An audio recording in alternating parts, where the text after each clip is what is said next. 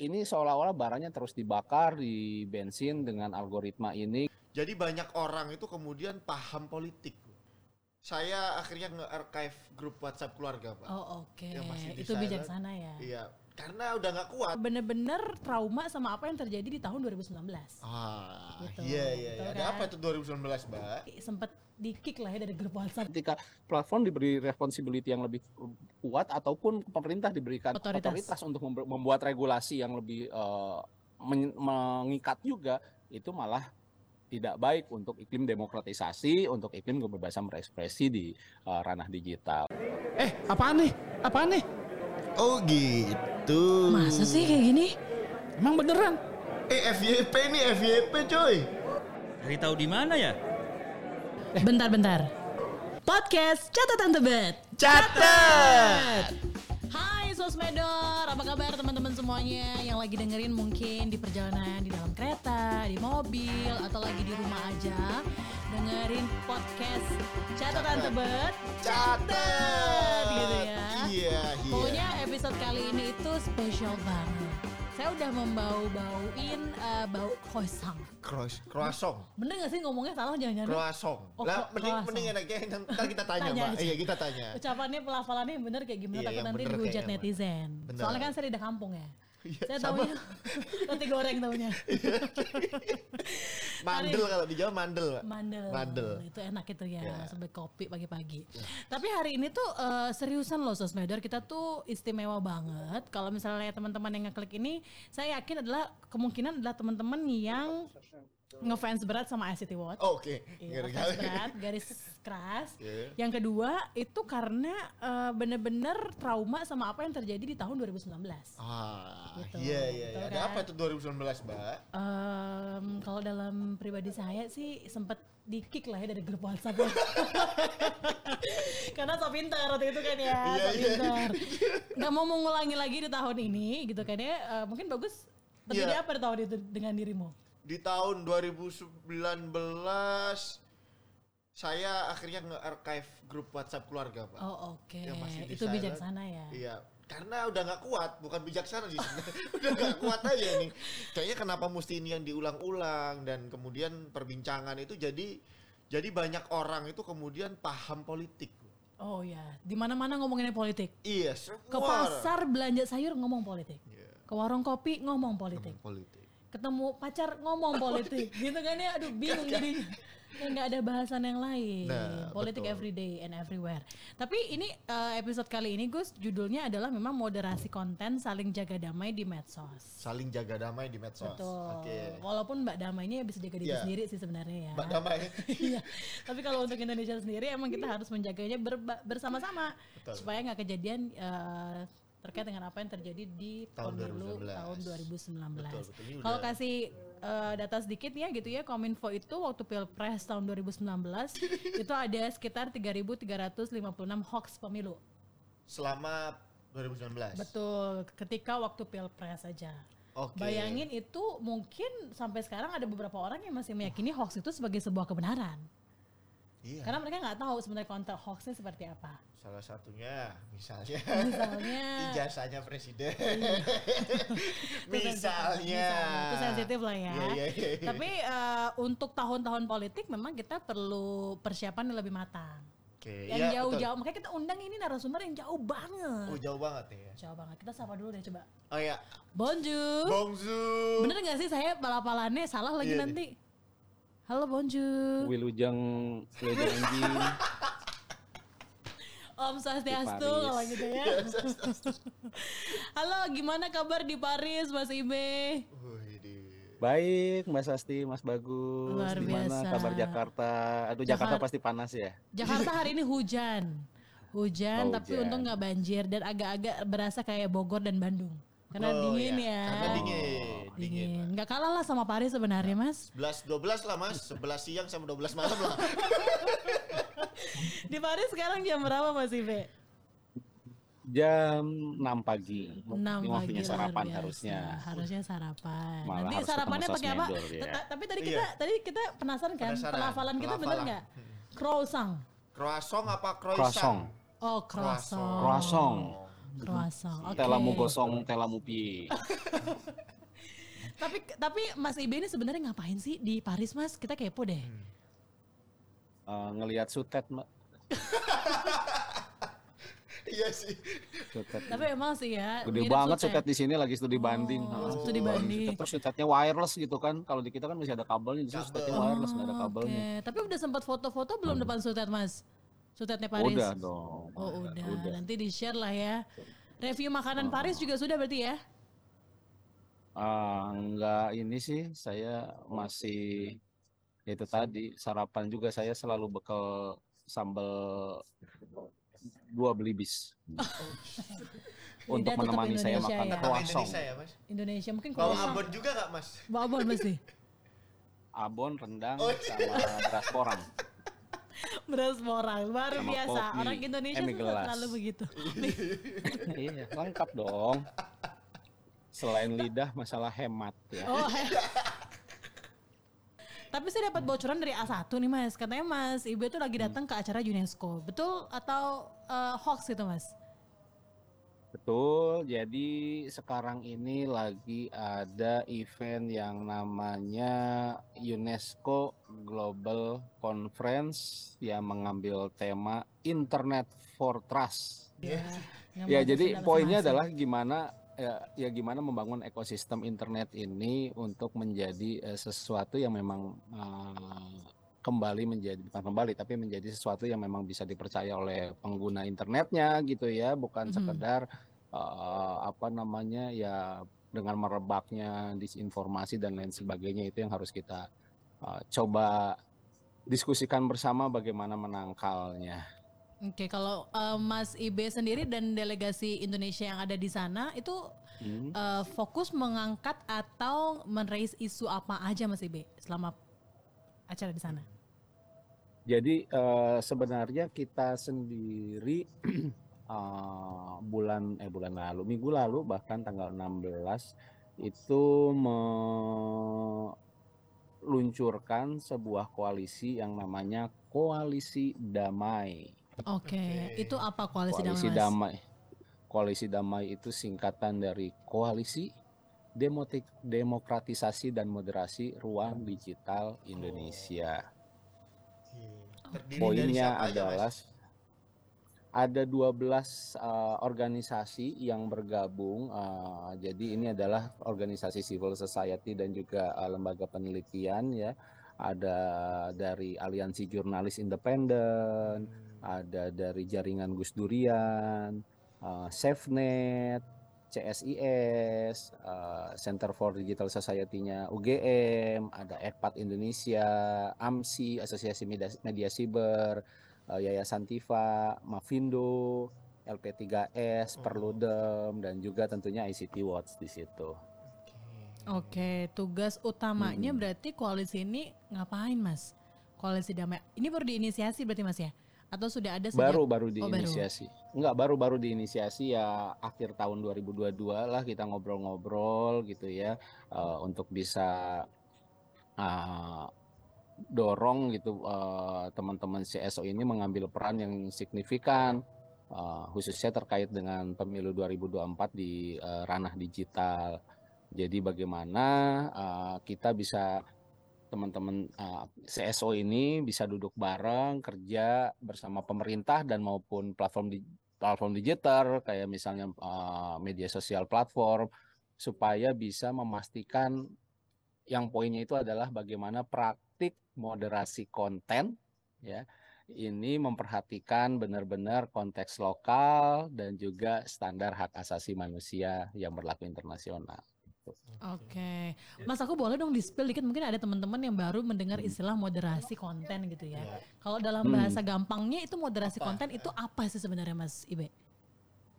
Simpelnya adalah konten apa sih yang bisa tam apa muncul atau tidak di eh, platform digital, apakah itu Oh, media sosial atau oke. web. Jadi eh, kalau kita ngomongin eh, situs web gitu, mana sih platform yang diblokir ya, mana yang enggak, ah, sorry, konten yang diblokir mana atau yang enggak, atau ngomongin media sosial, mana sih postingan-postingan yang eh, bisa eh, ada atau enggak. Nah ini kan sebenarnya menjadi apa namanya ya menjadi isu uh, yang menarik. Karena apa? Standar yang berlaku mungkin setiap orang punya standar yang berbeda setiap platform punya standar yang berbeda pemerintah punya standar yang berbeda iya. publik juga punya standar ya, ya jadi uh, ini ya tentunya harus uh, di di apa namanya ya di praktik praktik moderasi konten ini yang harus harus di kita kita plototin bareng kita jaga bareng agar tidak melanggar uh, hak asasi manusia seperti kebebasan berekspresi. Oke, jadi teman-teman mungkin yang baru dengar istilah moderasi uh, konten, konten itu artinya kita memilah-milih gitu ya, yang mana yang boleh ada dan tidak ada dan kita bisa berpartisipasi aktif juga sebenarnya Mas Ibe ya, untuk membantu ya. membantu proses nih ya, bukan cuma ICT Watch atau koalisi oh. damai aja kan ya? Oh iya jelas tentunya. Oke. Uh, kenapa kemudian urgensi dari adanya koalisi damai ini apa sih sebenarnya Mas Ibe? Apakah seperti yang uh, tahun 2019 kemarin kayak pengalaman uh, polarisasi politik atau seperti apa Mas Platform digital itu kan asalnya dari luar semua ya. Mm-hmm. Mau Facebook, mau YouTube, TikTok, Instagram dan lain sebagainya itu kan dari luar. Mereka punya standar uh, community guidelines yang memang dirancang untuk global. Nah, ini harus diperhatikan juga uh, konteks lokalnya seperti apa. Konteks lokal ini ya kadang-kadang misalnya penggunaan bahasa daerah ya uh, ini sering kali apa ya bahkan uh, miss gitu ya. Ada yang seharusnya misalnya berupa ancaman tapi menggunakan bahasa daerah lolos tetapi ada juga yang berupa candaan gitu. Kemarin ada cerita salah satu teman di sini temannya itu nulis ya memang agak sedikit ini sih uh, dia mungkin ketangkep wordingnya senggol bacok gitu ya. Mm-hmm. uh, nah itu kan memang mengandung unsur kekerasan ancaman gitu itu langsung di di ban. Tapi uh, prinsi, uh, apa namanya itu hal yang sim, uh, yang bukan uh, prinsipil sih sebenarnya. Tetapi banyak hal yang memang uh, konten-konten yang memang seharusnya di istilahnya di uh, batasi penyebarannya itu malah uh, dibiarkan bebas sebaliknya konten-konten yang memang seharusnya biasa saja justru malah di take down atau misalnya dibatasi penyebarannya. Nah, ini yang uh, menjadi menjadi concern kita sih bagaimana sama-sama yuk kita mantau praktek uh, moderasi konten ini berjalan dengan baik dan transparan. Oke, ini sih yang hmm, juga saya ingat kejadian saya dulu di tahun 2011 bahasa daerah hmm. ya. Ini dalam konteks kehidupan real. Saya itu nggak tahu kalau senior saya itu lagi lagi uh, ngasarin atau ngomong kasar ke saya karena saya orang Bali kuliah di Surabaya. Surabaya. Jadi ada miskomunikasi hmm. bahasa di situ. Hmm. Nah itu kan sebenarnya jadi penggambaran ya. Kalau yeah. misalnya ternyata yeah. bahasa daerah tidak dipertimbangkan dalam uh, moderasi konten ini yeah. dan hmm. community guideline dari masing-masing sosial media nggak bakal paham gitu. Yeah. Dan yang paham ya hanya orang-orang daerah tertentu Betul. saja dan mereka yang harusnya proaktif untuk bantu uh, memoderatori oh, platform ya platform hmm. untuk memoderatori konten. Tapi kita pengen tahu dong kenapa sih ICT Watch akhirnya mau bergabung ke koalisi ya. ini, Mas? Uh, iya, kita karena ngelihat bahwa itu menjadi bagian penting dari kerja-kerja kita. Kita kan dari dulu uh, bicara terkait dengan uh, digital rights ya, hak-hak digital. Kita berbicara terkait dengan tata kelola gitu ya. Uh, selain juga bicara tentang uh, literasi digital. Nah, uh, dari dulu sebenarnya bukan bukan sekarang saja dari dulu kita uh, selalu mendorong isu-isu uh, uh, hak digital ini termasuk juga terkait dengan tata kelola. Kita aktif di perbincangan tata kelola internet. Ini kan bagian konten moderation ini moderasi konten ini kan bagian dari digital governance ya tata kelola digital juga tata kelola internet juga. Nah ini yang memang menjadi menjadi concern kita juga bahwa ya tata kelolanya harus benar dong gitu ya bahwa ketika kita berbicara praktek moderasi konten ya kita juga harus uh, tadi gitu ya melihat berbagai aspek khususnya terkait dengan hak asasi manusia dan juga konteks lokalnya. Jadi ya memang ini bagian dari kerja kita. Ditambah juga memang para mitra, eh, para teman-teman CSW yang bergabung sini juga memang teman-teman yang punya concern dan memang punya track record yang jelas gitu ya bahwa mereka juga merupakan quote unquote para pejuang digital gitu ya dari sisi researcher ada yang memang uh, dari sisi demokrasi ada yang dari perlindungan anak ya uh, sebuah kehormatan bahwa uh, ICT Watch juga menjadi bagian dari koalisi ini. seberapa besar kemudian sosial media itu dan banyak orang Indonesia yang juga berada di menggunakan itu seberapa besar eh, apa ya menjadi bara lah ibaratnya ibara untuk polarisasi eh, politik itu mas Ya kita tahu ya eh, percikan-percikan yang muncul di media sosial atau di eh, media sosial ataupun di aplikasi percakapan itu itu yang memang menjadi bensin untuk bara-bara tersebut kan sebenarnya Hmm. Eh, yang menjadi topik misalnya yang cukup ramai dibahas di conference ini ya belum Iya. belum belum ngomongin koalisinya apa ngomongin conference-nya di Paris ini eh, ini adalah algoritma ya bagaimana algoritma ini menyaring uh, saat pertama adalah menyaring uh, informasinya sendiri, yang kedua juga memang menyajikan informasi yang lekat dengan uh, setiap user gitu ya, sehingga setiap user punya apa namanya mendapatkan informasi yang berbeda di di timeline media sosialnya.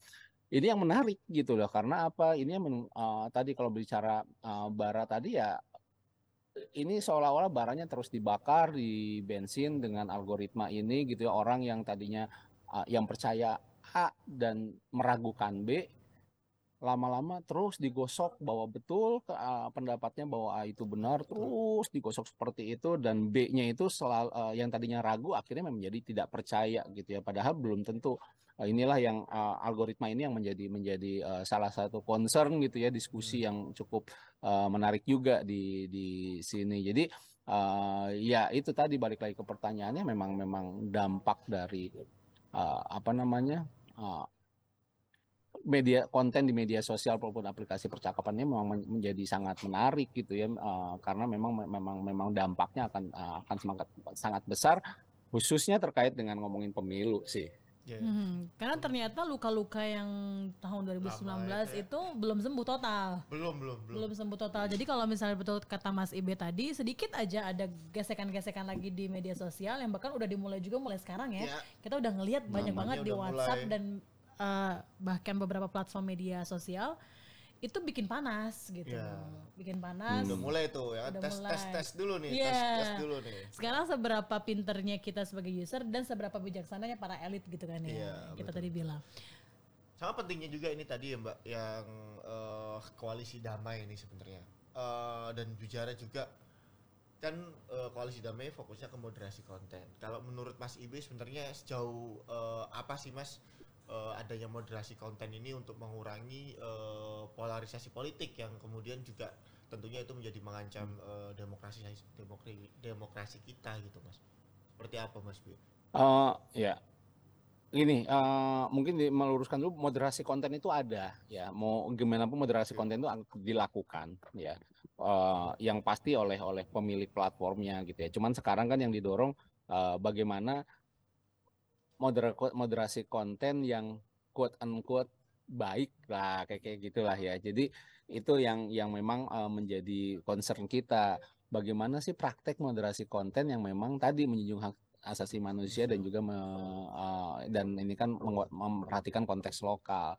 Jadi eh, kita sepakat gitu bahwa disinformasi itu tidak seharusnya atau tidak layak untuk bercokol di eh, media digital itu harus hilang gitu. Tapi kita juga sepakat bahwa eh, kritikan juga tidak boleh hilang gitu ya. Kebebasan Hmm. berekspresi juga menjadi bagian dari eh, hak asasi manusia yang harus kita dorong. Jadi balik lagi ini adalah eh, walaupun sebenarnya di ujung akhirnya ketika kita berbicara eh, mana konten yang harus di take down yang tidak itu otoritasnya ya.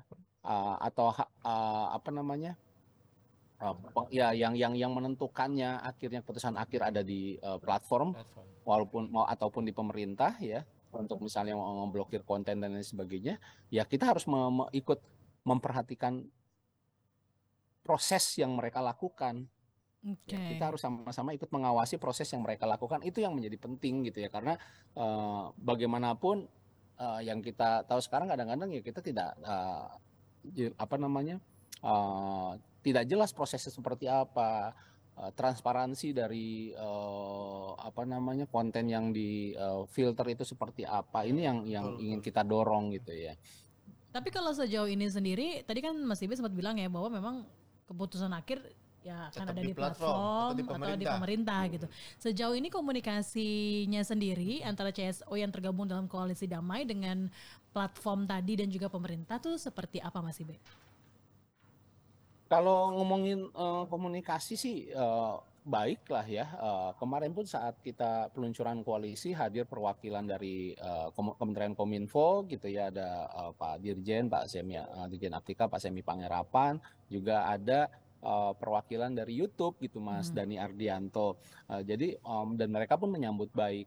Eh, tetapi kan memang eh, tidak bisa dipungkiri bahwa memang Ya, kalau hubungan sih hubungan baik ya, tetapi ketika melakukan praktek-praktek eh, tadi moderasi konten tadi, terkadang ya memang memang eh, quote unquote ya suka-suka eh, mereka gitu. Maksudnya suka-suka mereka tuh bukan berarti seenaknya gitu ya, tapi mereka punya pandu, pa- apa namanya eh, tim gitu ya yang YouTube sendiri punya tantangan untuk memahami konteks lokal dalam praktek moderasi kontennya gitu karena eh, ternyata di YouTube sendiri 95% proses dari eh, content moderation ini dilakukan oleh automatic flagging system gitu ya. Mer- Punya sistem sendiri, punya AI sendiri yang mem- me- me- monitor mana konten-konten yang memang eh, apa namanya dianggap melanggar standar komunitas eh, guideline-nya YouTube gitu dan hanya 5% yang memang eh, melibatkan human moderator. Ya wajar sih karena kebayangkan berapa juta banget ya. video yang diupload eh, setiap harinya gitu akan memang sulit. Nah, eh, ini yang memang tapi eh, disadari memang pada beberapa konten nggak bisa bersandar pada mesin saja tapi perlu kombinasi eh, dengan eh, sentuhan human moderator ini dengan manusia. Nah, ini kan tantangan-tantangan seperti ini. Ini yang kita kita dorong sebenarnya eh, tidak hanya sekedar eh, iya kita memahami hal tersebut gitu ya, tetapi tentunya eh, transparansi dalam proses tersebut juga eh, kita dorong agar bisa kita tahu gitu eh, kenapa sebuah konten misalnya di take down. Oke, tapi ini kan menarik juga ya Mas eh, Ibe. Saya beberapa kali itu sempat nemu konten kreator ngeluh karena kontennya di take down karena Ya. di report. Betul. Betul. Nah itu tuh sebenarnya apakah juga menjadi salah satu kerja yang direncanakan oleh tim koalisi eh, damai ini untuk membuat teman-teman masyarakat Indonesia itu menjadi tadi apa namanya human apa tadi istilahnya Mas Namanya Yang- moderator. human, Human moderator, moderator. secara organik. Hmm. Eh, enggak, jadi eh, bagaimanapun tetap eh, berbicara human moderator itu kan eh, wewenangnya ada di internal platform. Kita nggak bisa menjadi human apa eh, dari luar menjadi human moderator. Standarnya pasti akan akan berbeda tetapi eh, proses tadi kembali lagi kita ingin keterbukaan dengan proses-proses eh, ininya. Misalnya beberapa kali misalnya platform kan bilang eh, nggak perlu eh, banyak-banyakan nge-report orang yang nge-report supaya eh, apa namanya Konten di take down. laporannya ternotis, Ah. eh, ternotis dan kemudian akhirnya melakukan konten satu aja asal eh, reasoningnya jelas segala macam gitu ya dikasih intinya eh, itu bisa kita eh, take down. Tetapi memang kalau dalam praktiknya kita melihat dia tetap banyak-banyakan report itu kayak lebih ternotis gitu ya Hmm. mungkin. Nah ini yang tidak tidak kita tahu berapa sih berapa ribu sih yang saya akhirnya misalnya ternotis oleh YouTube, ternotis oleh Facebook gitu ya, ternotis oleh TikTok eh, sehingga eh, mereka bisa cepat melakukan aks- eh, actionnya gitu ya untuk eh, melakukan moderasi konten tadi. Ini yang memang eh, menjadi menjadi PR ya kita yang eh, perlu kita dorong juga dialog-dialog memang eh, yang lebih banyak dan juga lebih eh, apa namanya eh, transparansi terkait proses moderasi konten ini yang memang kita dorong. Dan eh, sebagian dari anggota koalisi juga sebenarnya merupakan eh, trusted partner dari eh, Facebook misalnya ataupun dari eh, YouTube gitu ya. Ada teman-teman Ekpat, Mavindo ya eh, ICT Watch sendiri itu sudah banyak membantu sebenarnya platform untuk melihat itu. Tapi kan tetap eh, balik lagi tadi bahwa ujung-ujungnya kan ada di platform ujung-ujungnya ada di pemerintah nah proses transparansi proses eh, apa namanya eh, dis- eh, dialog gitu ya untuk Mm-mm. terkait dengan moderasi konten ini yang memang kita dorong Sebenarnya seluruh anggota koalisi damai ini apakah bersih dari eh, misalnya Polarisasi urusan politik. polarisasi politik Iya. atau ternyata ada Hmm. juga yang diperbolehkan misalnya pendukung dari Salah satu salah paslon. satu ya Misalnya seperti itu Mas Ibe. paslon. semua anggota koalisi ini tidak punya keberpihakan eh, baik terhadap eh, platform misalnya atau keberpihakan kepada yang lain. Jadi keberpihakannya memang benar-benar hanya untuk publik, apalagi keberpihakan pada eh, partai politik atau kepentingan politik tertentu. Jadi ini sudah sudah dikasih eh, apa namanya dikasih guide apa batasannya ya, dikasih pagernya gitu. Lalu kalau mau sih eh, memang berminat, eh, bukan berminat, memang apa ingin ingin eh, terus memperkuat koalisi ini ya memang nggak boleh untuk eh, terkooptasi ke eh, kepentingan politik tertentu. Oke, jadi dapat dipastikan 100% bersih begitu Bersih. lah ya. Iya, betul. Gimana cara mengukur keberhasilan kemudian Mas Ibe? Apakah sudah ada apa namanya eh, hal-hal yang se- dipersiapkan oleh koalisi damai sendiri untuk mengukur keberhasilan dari moderasi konten di tahun-tahun politik menjelang 2024? Sebenarnya kita belum merumuskan itu juga ya bagaimana eh, melihat keberhasilannya. Tetapi kalau kita pandang secara eh, lebih luas, ya kita melihat bahwa dunia internet kita lebih sehat, dunia internet kita lebih nyaman. Ya itu itu jangka panjangnya bahwa kita Mhm. tidak apa namanya tidak eh, ngomongin idealnya tidak ada lagi eh, hoax gitu ya di internet, tidak ada lagi eh, kekerasan yang muncul di internet, tidak ada lagi juga pembungkaman terhadap kebebasan berekspresi yang ada di eh, internet, tidak ada juga eh, pembatasan kepada akses informasi yang ada di internet. Itu sih sebenarnya goalnya, cuman eh, bagaimana cara mengukurnya memang kita masih belum ini ya. Goals kita sebenarnya ya 2024 lebih adem ayem deh gitu ya jadi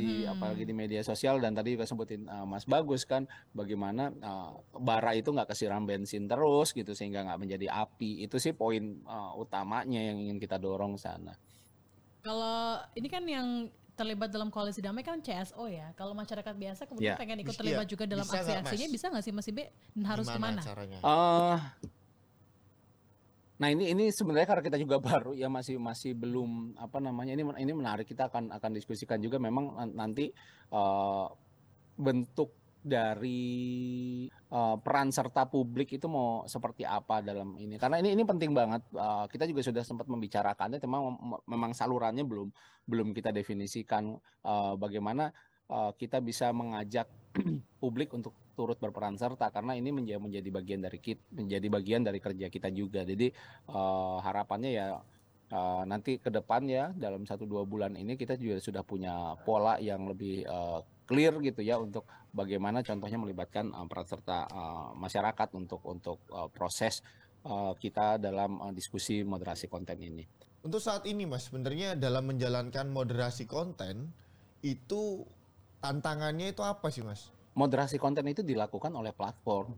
Eh, Mas Dani kemarin pada saat launching bilang memang saat salah satu tantangannya adalah memahami konteks lokal ya itu menjadi Mhm. misalnya menjadi salah Iya. satu eh, tantangan. Cuman itu memang harus di- yang disampaikan oleh eh, ini. Kalau eh, itu dari proses moderasi kontennya ya, tetapi kalau bicara eh, kita sebagai CSO adalah ya tadi Hmm. tantangannya adalah melihat bagaimana transparansi eh, proses moderasi konten ini dilakukan. Yang memang tadi apakah memang benar-benar menjunjung tinggi eh, hak asasi manusia dan eh, konteks lokal tadi. Nah, itu itu sebenarnya kalau tantangan dari sisi kita, tapi kalau dalam praktek moderasi kontennya ya harus tanya ke platform yang Platform ya? melakukan moderasi konten Oke. itu. Hmm. Tapi Mas Ibe kita mau dong di closing statement em, soal moderasi konten dan juga koalisi damai ini apa yang pengen Mas Ibe sampaikan ke sosmedor semuanya? Ada panelis di apa namanya di di eh, side event gitu ya ada di nol gitu dia namanya Felipe Felipe Neto kalau nggak salah dia influencer asal Bali punya eh Bali Brasil eh, asal Kaget juga gitu. Kaget Jauh ya. amat.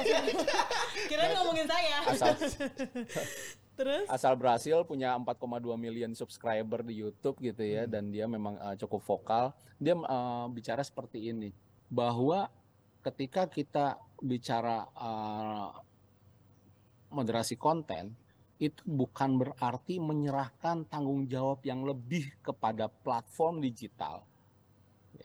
Lu harus moderasi konten dengan lebih baik, bukan itu. Ataupun bukan juga memberikan otoritas yang lebih kuat kepada pemerintah untuk melakukan tersebut.